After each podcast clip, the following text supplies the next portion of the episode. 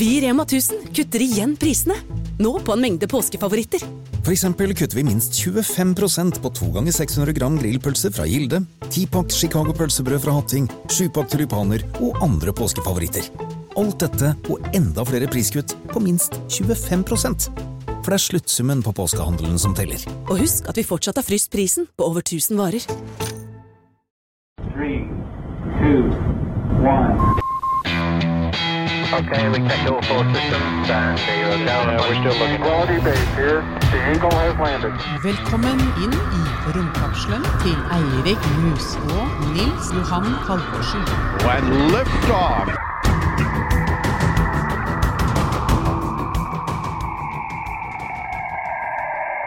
For å bruke en eh, døv sammenligning, vi har skutt opp en ny romkapsel. Denne her metaforen vår, du.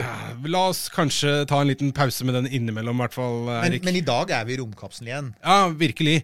Uh, og etter hvert så begynner det å bli trangt inni her. For nå er vi jo på riktig antall på måte, personer som skal være i romkapselen, sånn Apollo-wise. Ja, vi er faktisk på Apollo-antallet. Vi er ikke lenger liksom sånn på sånn Soyuz-nivå.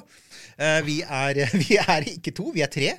Uh, vi har fått oss en gjest i dag, og det er Marianne Vinje Tantillo. Er det ikke det? Det er det. Hei, Marianne. Uh, vi har invitert deg fordi at du er fagsjef for uh, romstasjon og utforskning i Norsk Romsenter. Wow. Ja, Kan jeg få Altså- lov til å si at det antageligvis, uten at jeg kjenner til alle titlene i det norske romprogrammet, er den tøffeste jobbtittelen som finnes i hele landet. Jeg er fagsjef romstasjon. Hallo. Det er mye kulere enn å være statsminister. Det, Det er også, det er også mye kulere enn å sitte i en imaginær romkapsel i en kjeller i Oslo. Bare for du sitter jo faktisk i en romstasjon til daglig, gjør du ikke det? Ikke helt, men jeg jobber med det i hvert fall. Der kan du se. Ja, for hva jobber du med? Altså, hva, hva, er, hva, hva betyr det å være fagsjef for dette? Vi får jo si det før vi liksom går i gang. Ja. Ja, jeg jobber jo for Norsk Romsenter, og, og jobben vår det er å være med og bestemme hva Europa skal gjøre for noe i verdensrommet, og hva Norge skal være med på. Eh, sånn at når jeg gjør min jobb, så, så stiller jeg som norsk representant da, hos den europeiske romorganisasjonen. eh, Som heter ESA. Som heter ESA, ja. Uh, og der uh, sier vi noe om ja, hvem skal vi samarbeide med, skal vi være med når NASA skal til månen, hvilken teknologi har vi, hvilke land skal gjøre det, osv. Og så her i Norge så må jeg da vite hva som finnes av forskning og tekno teknologiutvikling og industri, for å klare å passe det inn i det europeiske programmet. Men så er jo saken, altså den jobben din altså, jeg skjønner. Og plutselig så blei den ikke fullt så kul som tittelen hørtes altså, ut som. men jeg har hørt rykter med ting. Altså, du, er jo en del i USA, ikke sant? Eh, litt i USA, mest i Europa. Ja. Har du, da, du har kanskje truffet noen litt kule folk i USA også, da? Jeg mener, sånn som Den nye NASA-sjefen, har du møtt han, eller? Han har jeg møtt. Hallo. Da ble det kulere igjen. Litt kulere å møte Jim Bridenstine. Hallo. Eh, og så har du, har du møtt han som heter Gerstenmaier. Er ikke det han som bestemmer alt i Amerika? Altså, når noen skal opp i rommet fra USA, så er det Gerstenmaier som har liksom sånn Han er nettopp på et møte med. ja. han er, Ja, okay, så, så men- kan vi da være enige? Vi Ja. er i samme lille, trange romkapsel som hun som har møtt Bridenstine og Ok, Okay, ja, jeg er med. Det, er ikke, det, er, det blei kulere. Det var en liten dipp. Så, så, så nevnte du Du nevnte det magiske ordet der inne et sted. Og det er det ordet som liksom alle driver og snakker om for tiden. Det er, er månen. Ikke sant? Det er, det er månejubileum i år. Eh, Det er filmer, det er konferanser, det er og, og amerikanerne snakker om månen, og kineserne sender ting til månen. Vi har invitert deg i dag fordi at vi har lyst til å høre mer om akkurat dette. Altså, eh, siste, Den siste astronauten dro jo fra månen i 1972. Vi har ikke vært tilbake siden da. Og så er det mye som tyder på at vi altså faktisk er på vei tilbake igjen.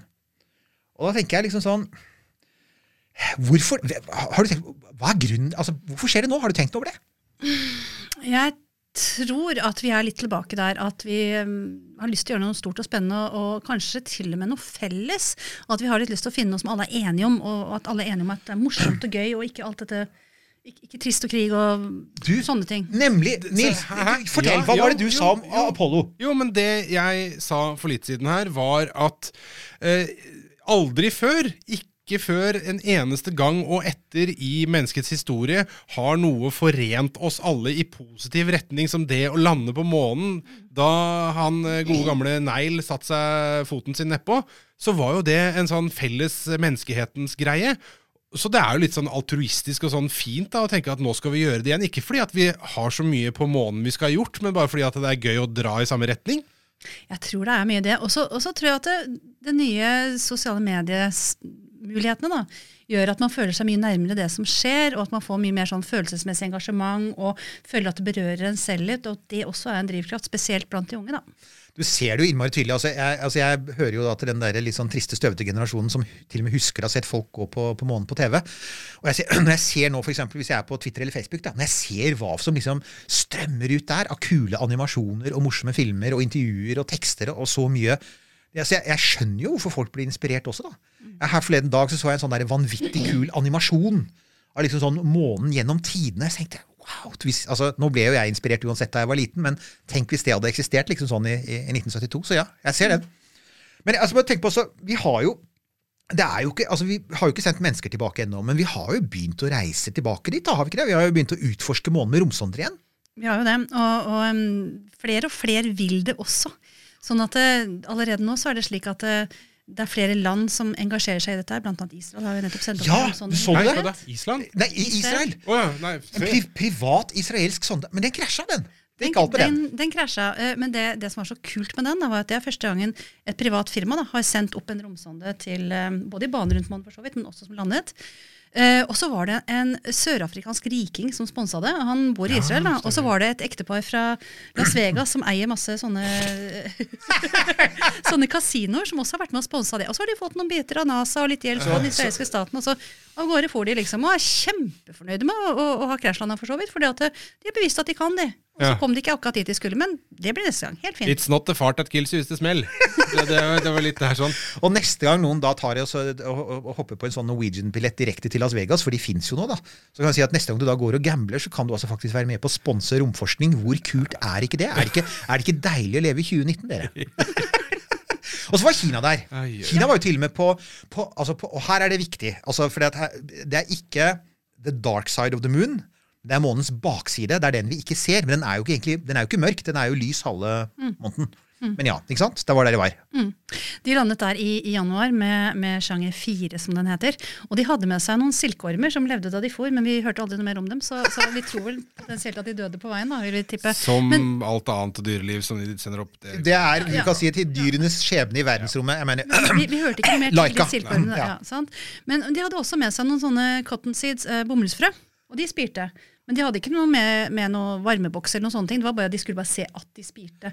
Og det var nok en sånn eh, PR-fremstøt. og se hva Vi kan, vi får bomull til å spire på månens overflate. Og det var jo også første gangen en organisme spirte. Selvfølgelig, da, på månens overflate. Så helt genialt. Men, men, men altså, i, bare sånn eh, før vi går videre her. Uh, ting har vært tilbake på månen siden uh, 72.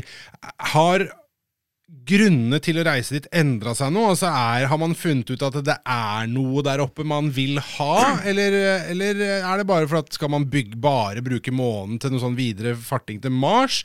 Eller har plutselig månen blitt interessant på en annen måte? Ja, nå, nå svarte du egentlig på det du spurte om. Eh, Mange da mener at ved at vi nå har funnet vann på månens overflate, eller at det er vann der som vi kan hente ut, så kan man bruke det som en slags bensinstasjon for å nå Mars. ikke sant? Sånn at det, Fordi det er eh, lavere tyngdekraft på, på månen, en sjettedel av det vi har på jorda, så gitt at man har alt utstyret der, så er det mye billigere og mye lettere å sende det opp fra månens overflate og ut i verdensrommet, altså om det er Mars eller hvor som helst man skal etterpå.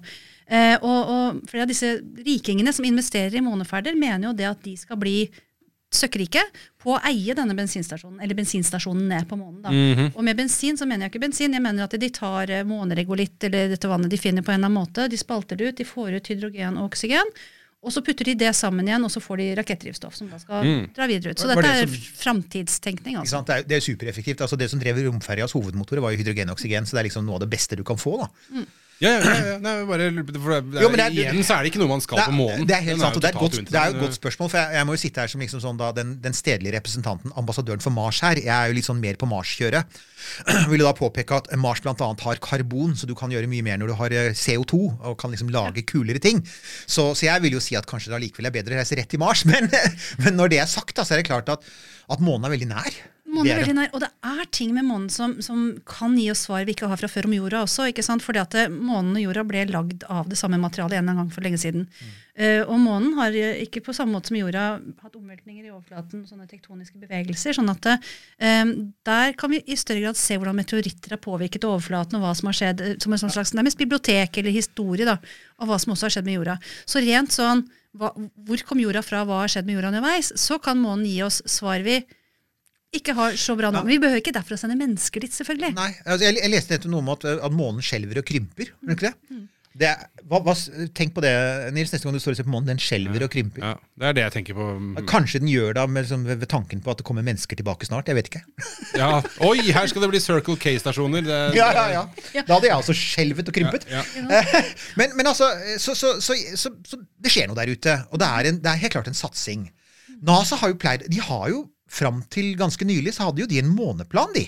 Hadde ikke det? Altså, De skulle tilbake til månen.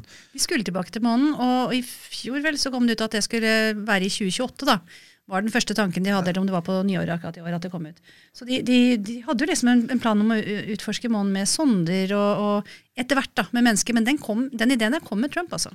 Ja, og, og det er jo, altså, for det er jo litt Som så mange andre gode ideer. Ja, nei, altså ja, Her må jeg da til... Her, her, må jeg, her må jeg tilstå en ting, da. Og det var jo, jeg, har altså, jeg har faktisk lika min første Trump-tweet. Ja, men jeg tilsto det åpent både på Twitter og Facebook. Så gikk jeg ut og sa at uh, tilgi meg, for jeg har syndet. Eh, og det er, det er den tweeten hvor han da sier at han vil gi meg ekstra penger til månelanding. For altså, altså uh, Du kan si hva du vil om Trump, og la oss være ærlige. Vi kan virkelig si hva vi vil om Trump. Men, men, men det er, jeg tror omtrent det eneste fornuftige han har sagt i alle de årene han har vært på Twitter, var at uh, NASA trenger mer penger til å dra til månen. Ja, Men, men uansett, altså så er det Men, men denne, eh, denne gamle altså, eh, NASA-måneplanen, der var det jo snakk om å ha en romstasjon ved månen, var det ikke det? Jeg tenker du på Gateway? Eller Ja, på- Gateway. altså en slags, Ja, for, det, ja. altså for det greia, Vi skulle jo ikke direkte til månen.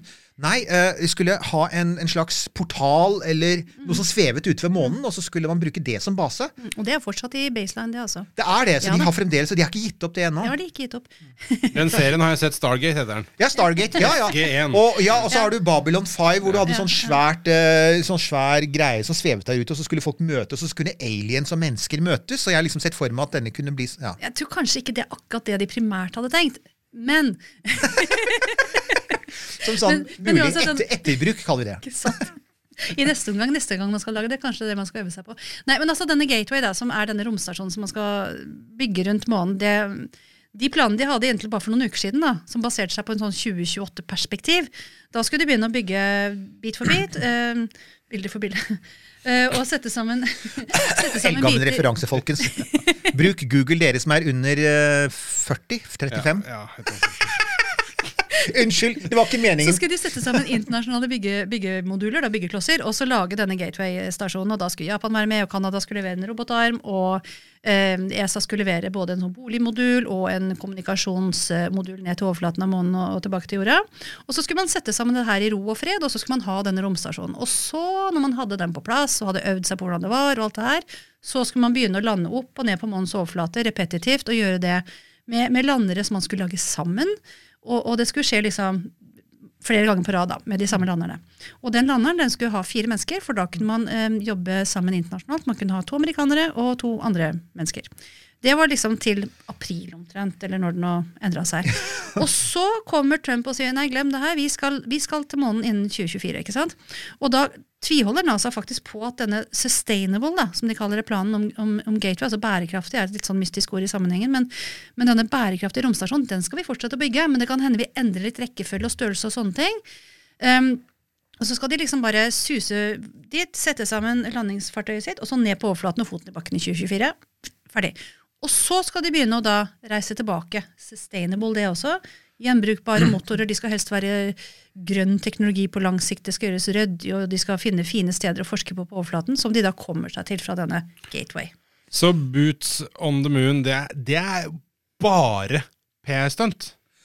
Ja, for at altså jeg, jeg, jeg tror, altså, ja, vi, vi må liksom Vi må snakke Det høres jo sånn ut. ja, for at, altså Før, er før sånn. Det var vel visepresident Pence som var ute for noen, for noen måneder siden og sa liksom sånn eh, Nå USA skal vise seg som det der. Han snakket til og med om at det fantes et romkappløp. Det tror jeg var litt drøyt, for kineserne har vel ikke egentlig sagt noe konkret om å reise til månen med mennesker? Jo, etterpå. Har, har de det? Ja, de har det. De har sagt Så de har tatt utfordringen? De har tatt utfordringen, men, men det er ikke noe mer enn at vi, vi tenker at vi skal gjøre det i nær framtid, og så jeg tror det er 2030. at Ja, det er de litt sånn uutgrunnelige kineserne. De, ja.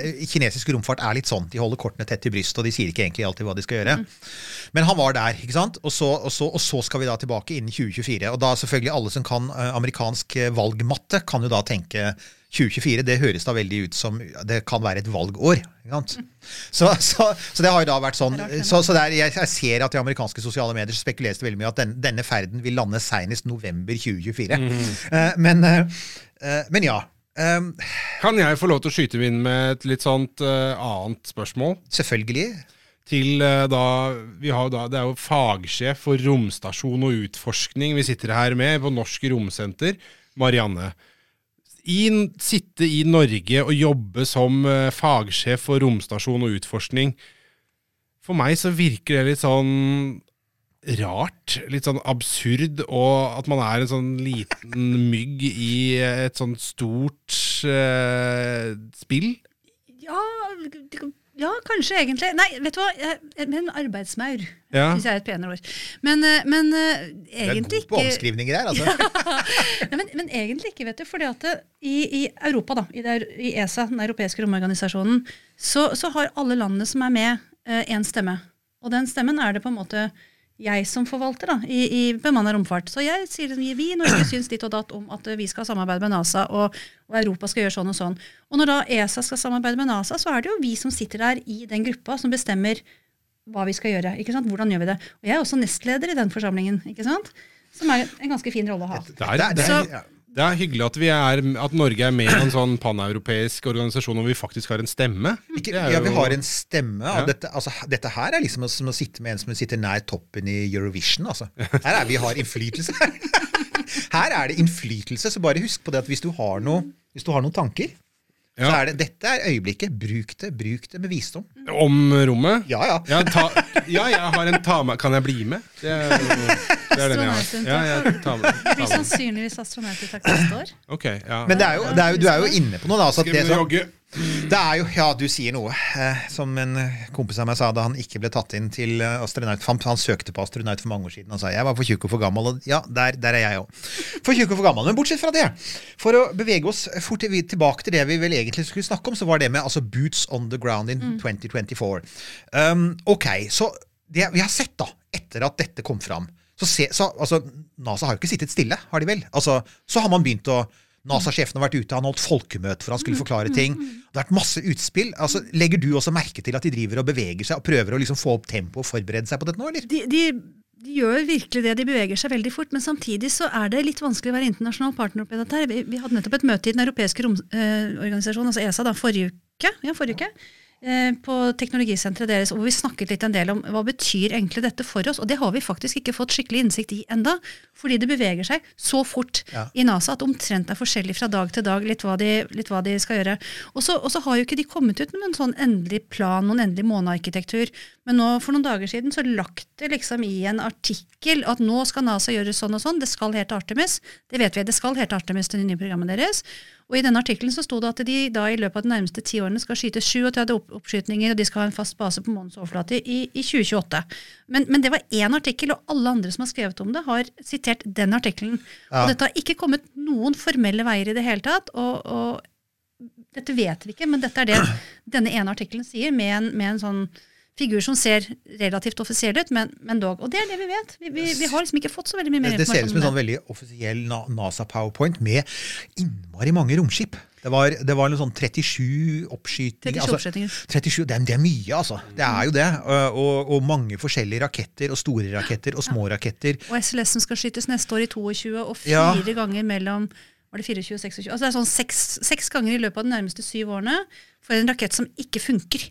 Ja, og det, her, her kan vi jo faktisk altså for, for når vi sier, helt som du sier, NASA har begynt å bevege seg, men sånn helt konkret da, for å komme seg til månen, så trenger du en, en sadra stor rakett. Mye større rakett enn det vi har nå. En, en rakett som i praksis er like stor som gode gamle Saturn 5, som vi dessverre skrinla i 1975 og aldri har brukt siden. Fire meter forskjell. Hva sa du? Fire meter forskjell, bare. Fire meter, ikke sant? Så du, som, du må praktisk bygge Saturn 5 om igjen. Eh, selve, selve fartøyet de skal fly ut med, det fins vel mer eller mindre nå, gjør det ikke det? Ja, Orion finnes mer. Orion det er altså en kapsel som bygges av Boeing, er det vel? Altså den, den er der. Men månelandingsfartøyet, altså det de skal lande, fins det? Nei, det er ikke utviklet. Jeff Bezos gikk jo nettopp ut og sa her har dere et hvis dere har lyst til å bruke mitt. Uh, og Der er vi jo ikke enda, men, men det var jo god timing fra hans side da, at han tilfeldigvis Ja, ja. hadde stående et, et ferdig månefartøy liksom tre uker etter at NASA sa at nå skal vi lande en mann på månen i 2024.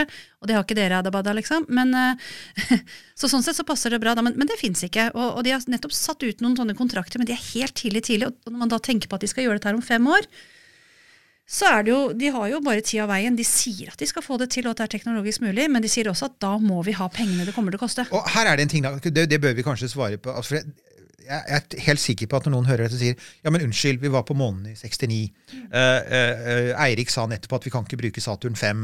Uh, hvorfor kunne vi ikke ha brukt månelandingsfartøyet? Altså, Man har jo en oppskrift. Det fins jo, jo blueprints der ute. ikke sant? Ja, de har jo retrofitta F-16, så hvorfor Ja, ja, så hvorfor kan man, ikke sant? gjøre det Er ikke dette egentlig bare som å ta en Ford Mustang, liksom? Bare sette i en ny motor? ikke sant? Altså, Er det ikke det? Det, vet jeg faktisk ikke. Altså, kompetansen er jo i hvert fall, hvert fall, hvert fall borte. ikke sant? Så de måtte jo begynt helt på scratch uansett. Eh, og så, hva skal man si, NASA er jo litt sånn at de begynner fra bånn av hver gang. Er ikke det litt Ja. i, sånn, de, sånn de er? De heiv ut Apollo, så begynte de på romferja. Nå har de hivd ut romferja, og det blir ikke noen flere romferjer. Så nå er de i gang med noe helt nytt igjen. Altså, ja, For det er den følelsen jeg også får. da, at altså, For folk sier at ja, nei, NASA trenger 5-10 milliarder ekstra per år for å få til dette. Så tenkte jeg, ja, men er ikke det delvis fordi NASA alltid starter fra nytt? Altså, Men de vil jo gjøre det optimalt. ikke sant? De vil Ja. ha Rolls-Roycen. De vil jo ha Rolls-Royce-utgaven. De vil ha den beste raketten. De vil ha den beste systemet. De vil ha veldig bra. Altså, jeg syns alltid er litt fascinerende å sammenligne med russerne, som på en måte begynner med en kule i, på 60-tallet, og, så- og så bare bygger de på en dings på kula, og så en dings på dingsen på kula. Og så fortsetter de med det samme til dags dato. Er det det samme utgangspunktet? ikke sant? At det, skal du i som rom i dag, så må du reise russisk. Ikke sant? Og de har noe som har funka i alle evigheter, og sier liksom dette kan vi, vi bruker den, for den funker. Ferdig. Ja. Neste, ikke sant? Altså, funker godt nok, da. Ja, men det er jo den der kulepennen og blyanten. ikke sant? Eh, Det er jo samme greia. Mm. At, at NASA var, brukte haugevis av penger for å lage en kulepenn som skulle skrive vektløs tilstand, og russerne Ei, vi bruker blyant. Ja. Fordi det funker. Men det er jo akkurat det, Ja. liksom den litt sånn enkle tilnærmingen. Da, bare sånn, bang, sånn gjør vi det. Ferdig. Men på den annen side, hvis du skal reise ut i verdensrommet, så er det jo hypp å ha noe eh, som er ordentlig, og ikke noe som er kjøpt på Nille. Ja, Eh. På, på en måte. Og så er det også et poeng at SLS begynte jo ikke som en månerakett, og det er litt viktig å ha med i sammenhengen her også. Den begynte jo som en rakett som skulle kunne kjøre til månen og videre til en asteroide osv. Så, Ja. så, så dette er jo egentlig et steg tilbake. eller- det må vi si litt om. Det er jo det, det som da skal bli den nye Saturn 5. Ikke sant? Mm, Space Launch System, som er en diger som bruker litt sånn romferjeteknologi. Den bruker Mm. sånne sideraketter som romferja hadde. Den skal faktisk bruke romferjas gamle motorer, for de var jo gjenbrukbare. Den skal bruke dem til i starten. Eh, så, så, men, men den jo, har jo også fått rykte på at den er massivt eh, over budsjett, massivt over tid. En, den skulle vært skutt opp for mange år siden, er ennå mange år unna. Så jeg veit jo at folk, eh, onde tunger kaller den for Senate Launch System, fordi at det amerikanske senatet er fryktelig glad i den, for den skaffer masse penger til viktige valgkretser. Så, så, så spørsmålet er jo kommer den i det hele tatt, altså om den i det hele tatt kommer til å være ferdig, fordi at de har virkelig somla. altså. Altså Breidenstein, sjefen for NASA, sier jo at det er den de må ha når de nå skal gjøre det på, Ja. få det til. Og det er den de må ha penger til. Og det er vel der disse millionene kommer. da. Han har jo bare bedt om 1,6 eh, milliarder eh, nå, eh, dollar. da. Eh, men det er jo ikke nok i det hele tatt. De må ha mye, mye mer. ikke sant? Men, ja. men Et spørsmål, et spørsmål som, som eh, dukker opp her nå i mitt eh, hode, er jo igjen da, tilbake til dette her med å sitte i Norge og snakke om dette her, alle de tinga NASA holder på med. Og disse enorme summene som de bruker, og disse enorme anleggene, og disse enorme rakettene som skal frakte eh, ting og tang og folk enormt langt. Hva, hva er Norges funksjon oppi dette her? Ja, det, det er et innmari godt spørsmål. Altså, Hvis vi skal til månen i 2024, helt konkret, kan, rekker vi å gjøre noe? Altså hvis vi tar et, liksom, et steg tilbake, da. Når vi tenkte måned i 2028 og alt dette her, og internasjonalt samarbeid, så hadde jo den europeiske romorganisasjonen ESA helt konkrete roller. Hvor Norge kunne ta del. Og så tenker vi at vi, noe av det blir forsert, noe av det blir litt utsatt, men vi bruker de samme byggeklossene likevel. Og da har vi flere ganske store og spennende ting. Vi har f.eks. Jeg kan vel si navnet på disse aktørene også. Det. Kongsberg-gruppen for eksempel, de har svære styringsmekanismer som kan brukes både for å holde solcellepaneler som gir strøm mot sola, og som kan brukes til å styre mm, kommunikasjonsantenner, sånn at de peker enten mot jorda eller mot astronautene på måneoverflaten. Eller mot Mars på Mars Sample Return. Ja, for greia er at Kongsberg uh, er en av norske bedrifter som har vært med på dette før. ikke sant? Ja, Altså, de er, lagd de er svære i romsammenheng, så dette er ting som de allerede har prøvd og brukt før, men de må bygge bigger better. Liksom. Altså det, det blir annerledes og større, men, men, men de, står, de er veldig godt posisjonert til å gjøre disse oppdragene. da. Vi har Sintef, som har en helt uh, fantastisk suite med sensorer, alt fra 3D-kameraer til uh, ja, sensorer uh, eh, flere og ja, mye sånn artig, spennende teknologi som kan både hjelpe fartøyer og dokke i verdensrommet, til å finne ting på Mars og måneoverflaten, se i Mars-stormer osv. Så, videre. så de, de er, har virkelig en, en interessant rolle å spille sammen med norsk industri. Da. Vi har eh, Nammo, som lager raketter. Um, og som nettopp har fått en aktivitet for å se om ikke de kan lage en rakett som i framtiden da, kan eh, både lande og eller primært sende opp utstyr fra måneoverflaten, og sånn til syvende og sist, langt, langt fram i tid, kanskje brukes for astronauter.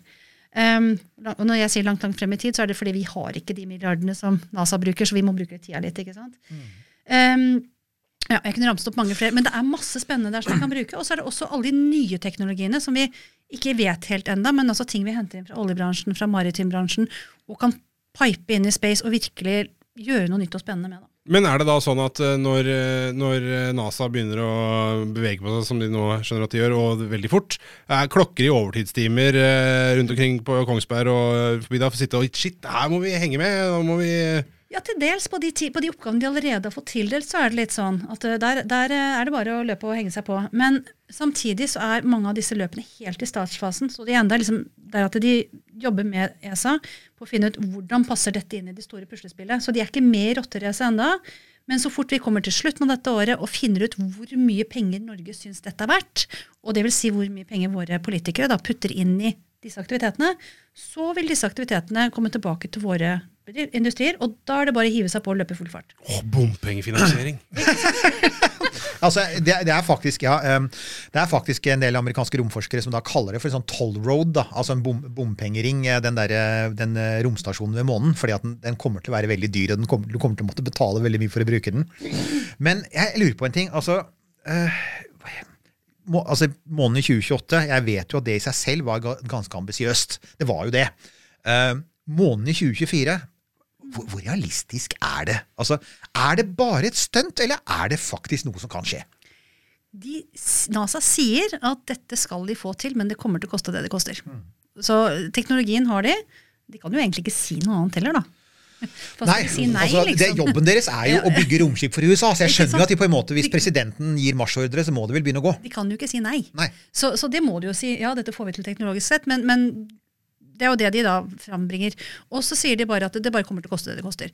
Eh, Men, men for Europas del, da, Norges del, så, så er det et litt mer sånn langsiktig løp. Det er ikke i 2024 vi skal putte føttene på bakken. Vi skal bygge elementer og biter og, og sørge for at vi er med i et svært puslespill, sånn at vi i retur da får industrioppdrag.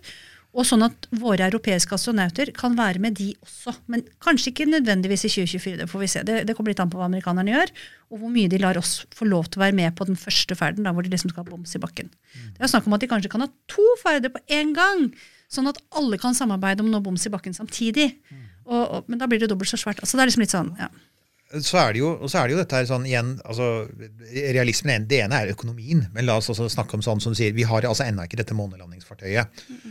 Eh, ideen har jeg skjønt er det å lande altså så fort som mulig og komme seg til denne. For det er jo is da som ligger under støv nær månens sydpol man snakker om. er det ikke det? Altså at På månens sydpol så er det områder som ligger i permanent skygge. Uh, og Det gjør at is fra solsystemets begynnelse eller sånt, kan ligge under, og man, og man vet at den er der. Men man vet jo ikke egentlig hvor nøyaktig hvor mye det er, hvor dypt den er. Så, så det man egentlig sier, er at man skal jo ikke bare sende et månelandingsfortøy. Man må vel sende eh, ja, så De skal jo nærmest drive, drille etter is, da.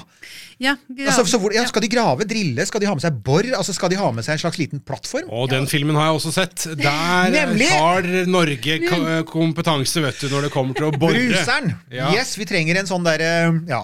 Men i den, thing. Men i, akkurat den, når vi først er inne på film, da, så er det en nydelig film om det her, som heter The Moon, om en fyr som er på baksiden av månen og nettopp samler inn månestein og, og og, Og sitter aleine på månens overflate. Har du sett den? Ja, den, eh, den, skal, den er på lista over en eh, episode som kommer snart. Ja, vi, eh, kom, vi, vi, skal, vi skal Ja da. Og vi, vi, vi, kom, vi, har, vi har nemlig planlagt en sånn der epic nerd battle, som er liksom de beste romfilmene. Og den skal være med der. Ja. Eh, den er filmen er jo fantastisk. Ja, ja nei, nei ja vi, vi får se. Jeg tror det, det blir hardt, men um, But we digress. Vi får, Ja, eh, vi får- vi får bare Som sagt, altså, så i tillegg til da det månelandingsfartøyet, som ennå ikke er bygd, da, så, så, så er det jo da Du må ha, du må ha altså, som du sier, den der kompetansen med å, å finne isen. ikke sant? Og du, må- og du må ha han der Bruce Willis-typen. Finne isen er bare å ta med noen femåringer, det. Så finner vi isen. Det er ikke tenkt på. Hololololo. Ja, sorry. Ja, Det er tatt opp like opp etter 17. mai, dette her. Så det, er, for det oppleves veldig relevant for oss, om ikke for dere som hører på. Men ja, du, Det jeg prøvde å si da før denne isen kom inn i bildet, det var at eh, både NASA og ESA hadde jo før alt dette her med mennesker på månen i 2025 og sånn, eh, en plan om å lande utstyr på månen og, og se om de ikke klarte å grave opp regolitt, og, og kanskje med litt is og vann og ja. og regolitt det er månestein, Det er ikke sant? månestein, Ja, ja. ikke sant? Og så og så se om de klarer å spalte det, og ikke klarer å hente ut litt vann fra det, for det kan også være bundet inn i, inn i regolitten. Og, og rett og slett se hvordan de klarer å håndtere det de finner på overflaten av, av månen. Um, og, og, og der er det jo en utfordring allerede. ikke sant? For du kan ikke bare grave opp månestøv og så begynne å herje med det. For Da forsvinner det i alle retninger. ikke sant? Og hvis du har svære installasjoner som står på månens overflate med, med en, en sjettedel av, av tyngdekraften, altså 16% så begynner det å hoppe rundt som en sånn feillasta oppvaskmaskin. ikke sant? Og det kan du ikke gjøre. Så hvordan i all verden skal du grave opp måneregulitten uten at dette går skeis? Du begynner der. Og så skal du rulle den, eller på en eller annen måte frakte den fra liksom skeia di til, til en eller annen maskin. Og det skjærer seg jo, for plutselig så har du kasta den kjempelangt. Og så skal den kanskje ramle ned i maskina da, og kvernes. jeg vet ikke, Ramle ned når det er så lite vektløshet. Allerede der Ja, begynner altså det å skjære seg. Det som skal falle ned i en maskin, må liksom, det faller veldig langsomt. Ikke sant? Så det, blir- altså Alle disse leddene skjærer seg i forhold til hvordan vi gjør det på jorda. Så man må tenke nytt hele, hele veien, alle stegene. Så Og er det- jo månestøv er jo nasty. Ja. Månestøv er ille. Det var jo, altså det, det, jeg jeg har hørt, altså En av de siste astronautene, eh, Harrison Schmidt, han var med på Apollo 17. Han var geologen. Han har snakket litt om det. Altså, for De var de som var lengst på månen, så de opplevde jo faktisk hvordan dette her grå støvet festet seg til alt. Kom inn i draktene, kom inn i leddene på draktene, begynte å ete opp gummien i hanskene. Eh, og de var redd for å puste det inn, for at månestøv er sånn urgammelt meteorittstøv fullt av glass og tungmetaller og, og skit. Og, og vi aner ikke hvordan det vil funke når det kommer inn i maskineri. Kommer det til å ødelegge kulelag? ikke sant? Altså, Tenk deg det, tenk deg det, Nils. Liksom sånn, det er sånn det mest støvete liksom sånn sandstorm i, i Sahara, og du skal stå der og drille. Hvor lenge varer drillen din da? ikke sant? Og så er det helt finkorna, ikke sant? Og når det gjelder dette med de astronautdraktene, jeg så nettopp noen bilder som en, vi hadde en sånn astronaut som holdt noen foredrag for oss her. Selvfølgelig hadde dere det. Det er sånn de har det er sånn de har på romsenteret. Sånn, ha, Ja. så, sånn gjør de det der. Ja, fine greier. Men sånn er det hjemme hos meg òg, Nils. Jeg vet ikke hvordan det er hos deg. Hva, gjør, gjør- ikke alle dette? Jeg skal be dere med neste gang. Ja, gjør det. Inviter Så, oss. så viste han oss at det er noen bilder fra nettopp eh, måneferden. ikke sant? Astronauten var helt svart i ansiktet hadde det støvet. Etter at de hadde vært eh, ute og gått. Og, og fortalte også at liksom disse leddene ble faktisk ødelagt i etterbruk. De var ikke gjenbrukbare. De kunne gjenbrukes, gjenbrukes to ganger. Og den tredje gangen så var det for stor risiko. disse draktene, ikke sant? De ble faktisk ødelagt altså, av å være der. Så nå lager de nye drakter som eh, til forskjell for forrige gang, hvor draktene, hele draktene var pressurized, altså trykksatt, heter det vel, så prøver de nå å finne sånne skinsuits og sånn, som, som fungerer på litt andre måter og er lagd av andre ting, for å se om det gjør at astronautene ikke er så utsatt for eh, Krympeplast. Ja, men, er. Ja. faktisk. Det er, ja, ja, men her er det jo da, altså, Hvis folk vil se disse bildene, så går det faktisk an å, å google 'dirty astronauts', men please sett på voksenfilter. Så, og, og sammenrelle skinsuit, by the way. Men, men, men alt dette går an å finne. Så, Dette er Erik Knut gjort og gått på en smell. ja, dette er eh, Ja, nei, altså Men- men- men- Cannot be unseen, som man sier. Kan vi da bare, som en eh, service til eh, våre lyarar, Ja. si det, Eirik, at du tar den jobben, og så legger du det ut på nettsida vår? For Dette er et viktig poeng. Vi har, et, vi har en nettside vi, hvor vi ikke bare legger ut alle de podkastene vi har laget, men vi legger jo også ut informasjon om dette. Vi legger ut lenker, vi legger ut bilder, vi legger ut videoer. Så, så det, vi skal, vi skal eh, snakke med Marianne etter sending og få henne til å gi oss lenkene til disse her eh, kule tingene som hun har snakket om også.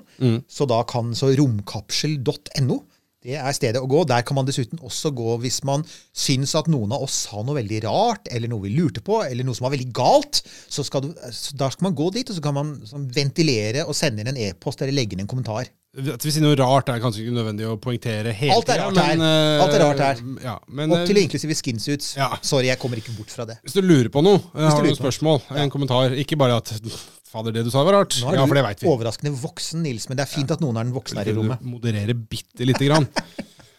Opp, oppi alt. Ja. Nei, så Ja, nei, altså helt, sånn helt, helt på tampen her, så er en ting Du var innom det. Du nevnte Jeff Bezos. Vi må nevne det, for folk er opptatt av det. Jeff Bezos det er han som eier Amazon. Det er verdens rikeste mann, i hvert fall før han blir skilt om ikke så lenge. Da antar jeg at han har litt mindre penger. Han bruker altså 1 milliard dollar 1 milliard dollar av egen lomme hvert eneste år for å drive sitt eget private romselskap, Blue Origin. som driver med romturisme, og, og, og som også skal bygge en stor rakett. Og nå altså Blue Moon, som han kalte det. Og det er altså månelandingsfartøyet hans, som ennå ikke er bygd. Men han sier han kan bygge det. Det er en annen her som vi jo ikke kom forbi, og det er Elon Musk. Snakker man om rom i dag, så kommer man før eller siden til Elon Musk. Han bygger en annen rakett som heter Starship, som ennå ikke er ferdig. Han sier at den kan fly til månen. Altså, hva, hva gjør NASA med det? det jo, for de er jo ikke aleine lenger. I, i, på 60-tallet så var de aleine. Ingen tvil, det var NASA som gjaldt. Men nå er de jo to, og, og de er jo ikke fattige, disse gutta. Har, altså, Jeff Bezos han er jo god for mange ganger NASAs budsjett. Når det gjelder Musk, han har jo flere NASA-kontrakter, sånn at han er jo på sett og vis ikke delfinansiert i det han gjør, da, men han, han er litt inne i systemet og leverer allerede til, til NASA. Mens Bezos han er liksom på sin egen greie. På Sin egen planet, har du lyst til å si det? jeg hadde litt, lyst til å si det, men det ble litt feil i sammenhengen. Unnskyld. Men, men Jeff Bezos han har jo liksom sitt eget løp på gang der, som er, som er spektakulært og spennende. Og NASA, de, og ESA også for så vidt, de til for noen år siden så fikk disse private gutta holde på for seg sjøl med, med tingene sine. Og så hadde man liksom det statlige, the governmental space, liksom i hodet. Men spesielt NASA er flinke, og ESA begynner å bli flinkere de også, til å gi ut oppgaver og oppdrag og kontrakter til disse her. For de ser at det, her kommer det nye tanker, nye ideer, andre som er villige til å investere osv. For å på en måte øke spleiselaget. Og det er mye det som skjer med romstasjonen nå, når man sier at man ikke skal ha så mye investeringer i romstasjonen mot slutten av 30-tallet. Så, så skal man ikke ta den ned og kaste den i havet. Man skal i større og større grad la såkalte da, kommersielle aktører få overta driften av den. Og det, så det, NASA og ESA tenker på det her, men, men det er jo en litt ny og litt annerledes måte for dem å tenke på. Så det går litt sakte. ikke sant? Og så og så tror jeg nok i forhold til månens overflate at de vil veldig gjerne gjøre det sjøl. Det er nok Ja, noe der. Og, og, og det er jo heller ingen tvil om altså at jeg har skjønt at Elon Musk vil egentlig til Mars. Ja. Det han har sagt, er at den raketten som han skal bygge til Mars, den kan jo selvfølgelig stoppe på månen. Det kan jo. Kan du fly til Mars, så kan du fly til månen. Uh, og, og Jeff Bezos har en sånn idé om sånne vanvittig svære romkolonier. Han skal bygge gigantiske romstasjoner som er mange kilometer lange. For han syns egentlig at både månen og Mars er ganske teite. Så han har lagt ut en lang video om det, som vi også sikkert kan lenke til. Det Så, er helt men, fantastisk. men, men når det er sagt, allikevel, altså, er det jo litt interessant. For det er, det, det er liksom sånn X-faktoren her. Er jo, altså, det er jo ikke helt utenkelig. Det er fem år. Og vi vet at i Elon Musks verden så er fem år faktisk ganske, det er ganske mye tid. altså. Han har gjort veldig mye på fem år. Han har bygd gjenbrukbare bæreraketter som den første i verden han, i løpet av de siste fem årene. Så, så det, er jo ikke, det er jo ikke helt utenkelig, da. Nei, Han må jo klare å holde fokus på hadde jeg nær sagt, én ting. da, eller Ja, Elon Musk driver jo med veldig mye forskjellige ting. ja du, Eh, du, hvorav Selg deg ut av Tesla Elon og gå for romfart. Der er du Yes, best, spør du meg. Det er min Ja, også, personlige mening. Han, han er jo bare én person, han. ikke sant? Men, Ja. men, men uh, han skal jo nå i disse dager, og nå har jo det blitt utsatt og utsatt, og jeg tror siste datoen jeg sa var i dag, at han skulle sende, sende opp disse 60 flatpakkede, tettpakkede kommunikasjonssatellittene øh, med den store raketten Han skal sin, bygge internett i verdensrommet. Han Ja. gjør mye. Han skal han lage tunneler, supertog.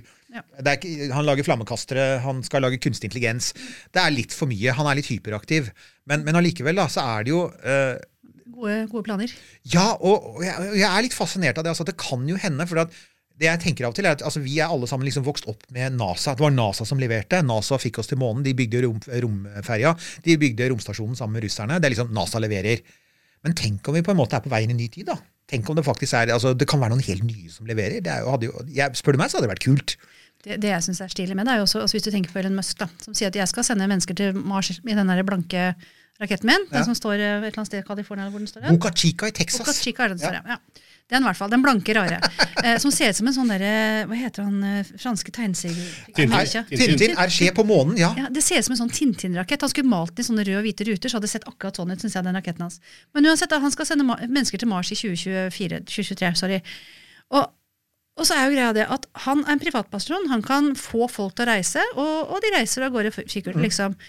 Men de kommer jo ikke til å bli så veldig friske på denne ferden, og de veit ikke hvordan de skal overleve. og hvordan, altså Lander de trygt? Aner ikke helt. Vi regner jo med det, kanskje. ikke sant? Men godt over halvparten av de som har prøvd å lande på Mars, har krasjlanda.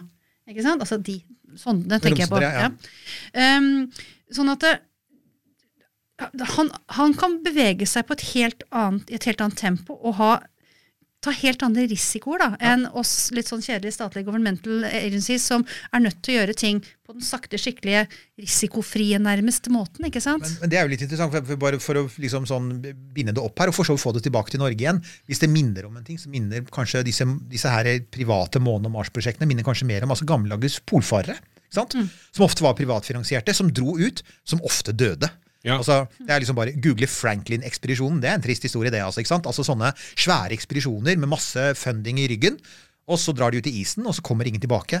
Men de fortsatte å dra. Det er jo interessant. da. Altså, Det stoppet ikke den, den typen utforskning. Så det kan jo hende at det vi faktisk trenger, er nettopp noen som bare sier sånn, som Amundsen bare sånn Vi går for Sydpolen så fort vi bare kan. Og så kan det hende vi dør underveis, men forhåpentligvis gjør vi det ikke. Har ikke noen sånn returplan, liksom. Vi kommer oss dit, og så Vi kommer oss dit, og så ser vi. altså Det er noe med den Jeg har litt sansen for den stilen nå, da. For at Ja, vi fikk må være lov å tenke litt stort, Ja, eh, og- og litt vågalt. Og litt, altså ikke fullt For, det, er- for det er liksom, av og til får jeg liksom følelsen at når jeg ser noen av disse NASA-planene med 37 oppskytinger, den siste, hvis den er ikke, så tenker jeg det er så trygghetssøkende. Det er sånn Ja, alt skal være sånn på alle bauger og kanter, men hvis vi liksom skal oppnå noe da, og komme oss nye steder, så veit vi jo at du, du, kan, du får aldri 100% trygghet. Du må ta noen risikoer òg. Men der er jo astronautene ofte villige til å ta den risikoen. Nemlig. ikke sant? Mens, mens vi snakker fortsatt for mange år her siden enda om O-ringen til liksom, romstasjonen ja, som, ja. Ja, ja. Som ikke tålte varmetemperaturen. Vi snakker om en enda. Det var en liten dings, ikke sant? Bitte liten gummiring.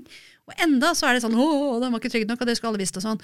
Så, så det er klart at når man har et sånn governmental, eh, altså statlig aspekt og statlige penger og skattepenger og sånt noe, så må vi være trygge. Og i hvert fall i dag hvor alle ser hva som skjer. fordi at det, til forskjell for eksempel, eh, ja, kanskje spesielt Kina, men også Russland, hvor de på en måte har oppskytningene sine og gjør det, og så dør det noen, og så får vi liksom ikke vite så mye om det. Så er det jo i vår dagsalder da, filmet direkte, og alle sitter og ser på. Oi, der, der røyk den, ikke sant? Og gjett om jeg skal sitte og se på. ja, ja, ja, Ja. ikke sant? Det er det Ja. alle skal, ikke sant? Og, men samtidig så var det som vi snakket om helt til å begynne med, så tror jeg det er noe av forskjellen til Elon Musk. Han er dritgod på PR. Og det, er- og, så han har jo alene æra, mener jeg, for at det, så mange mennesker igjen er blitt interessert Ja. i romfart. Ja, det er, det er ingen tvil om. Og på en, og på en ny måte. Så det, det skal det ha. Så får vi jo se da om, det, om, om, om hvem som eh, kommer først til månen. Du, ja, vi kan, skal vi ta en sånn liten sånn runde her? Eh, For det første eh, skal vi ta en runde på om vi kommer til månen. Tror vi vi er på månen i 2024? Kan begynne med deg, Marianne. Tror du vi er på månen i 2024? Har du lov, har du lov å svare på det, eller er det veldig politisk ukorrekt? Jeg tror kanskje det sklir forbi 2024. Hva tror du, Nils? Nei, altså Hvis noen har sagt at det kommer til å skje, så, så tror jeg at uh, det kommer til å bli såpass prestisjenederlag at uh, ja, det tror jeg. Ja, og jeg er liksom sånn midt imellom. Jeg, jeg, jeg tror at kanskje en av disse gale milliardærene kan finne på et helt sjukt stunt. Jeg tror faktisk det. Um, så, så jeg har en sånn, jeg har en sånn 50-50-følelse på at en av eh, enten gale Elon Musk eller like gale Jeff Bezos kan gjøre det. Ja. Faktisk, ja, altså, vi, vi som i dem, ja, det er jeg enig med deg i. Men altså, hvis vi tenker vi som i NASA, da, eksempel. Hva skjer, og det er ikke meningen å politisere, eller noe sånt, men hva skjer hvis det kommer en annen president inn i 2020, når det er valg neste gang? La oss Og- håpe det for øvrig, men, men ja, hva skjer da? Nei, fordi at eh, da blir det altså Kanskje de syns det er viktigere med ja, vet jeg, altså sånn eh, jordobservasjon og, og Utdanning og medisin og sånne Ja, kjedelige ting. Ja, ja, boring. Sånn, fattige, fattige, fattige barn på skolen som jo ble satt opp mot uh, NASA-planene her. ikke sant? At eh, Trump vil ta penger fra det ene og gi til det andre. Så, så det er veldig sånn politisert det her òg. I hvert fall det med 2024. Disse mer sånn sustainable-planene. De ligger på toppen og er ikke så politiserte og kommer liksom til å skje i sitt sakte, rolig tempo Ja. uansett. På den governmental sakte måten. Men det her med å putte fot i bakken og tjo og hei og 2024, det er veldig sånn, det er veldig Hvite hus-pressa. Og veldig, veldig politisert. Men på et eller annet tidspunkt så har man jo spytta så mye penger inn i at det blir litt sånn point of no return, og nå må vi bare la det stå til, eh, tenker jeg. Men uansett, da, da, da blir det Musk, eller så blir det Bezos, og så NASA kan komme etterpå og holde på med de de trygge, litt sånn kjedelige drenering av hus og nytt tak og grunnmur, og så kan de andre kjøpe kult sånt hjemmekinoanlegg og gjøre de tøffe tinga, på en måte. For å ta det litt ned, da. På bakken, da. ja, men ned, på bakken, hjemmekinoanlegg på månen, det er helt klart et mål. Tror jeg er helt meningsløst, for at det er jo dårlig med atmosfære der som kan som frakte lyden. Ja, men, for, ja, Det er for så vidt et poeng, men, men det blir innmari gode bilder. da. Nå, før støvet legger seg på det.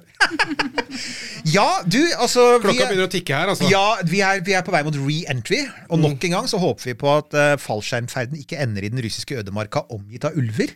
Det gikk bra sist. Vi satser på at det går bra denne gangen også. Vi vil, vi vil veldig gjerne takke gjesten vår, eh, Marianne, for at du tok deg tid til å komme til eh, romkapselen vår. Eh, og, og kom gjerne tilbake igjen. Vi har andre ting vi skal prate om. Eh, jeg bare minner om romstasjonen. Say no more. Vi må ha et program om det nå. Ja, Ja. det er jeg med på. ja. Romstasjonen. ja. Og Mars. Ja, Og fi, Mars. og filmer. Vi skal eh, sette opp Ja, eh, altså Vi kan godt utfordre deg. Ja, Hvis vi skal ha en episk filmbattle, så vær gjerne med på det. Ja. Ja, Der har vi det. Utfordringen er tatt. Eh, Romkapsel.no, la oss bare på tampen eh, minne om Ja, det. ja, Der er det lenker, videoer, og det er også mulighet for å stille spørsmål og komme med kommentarer.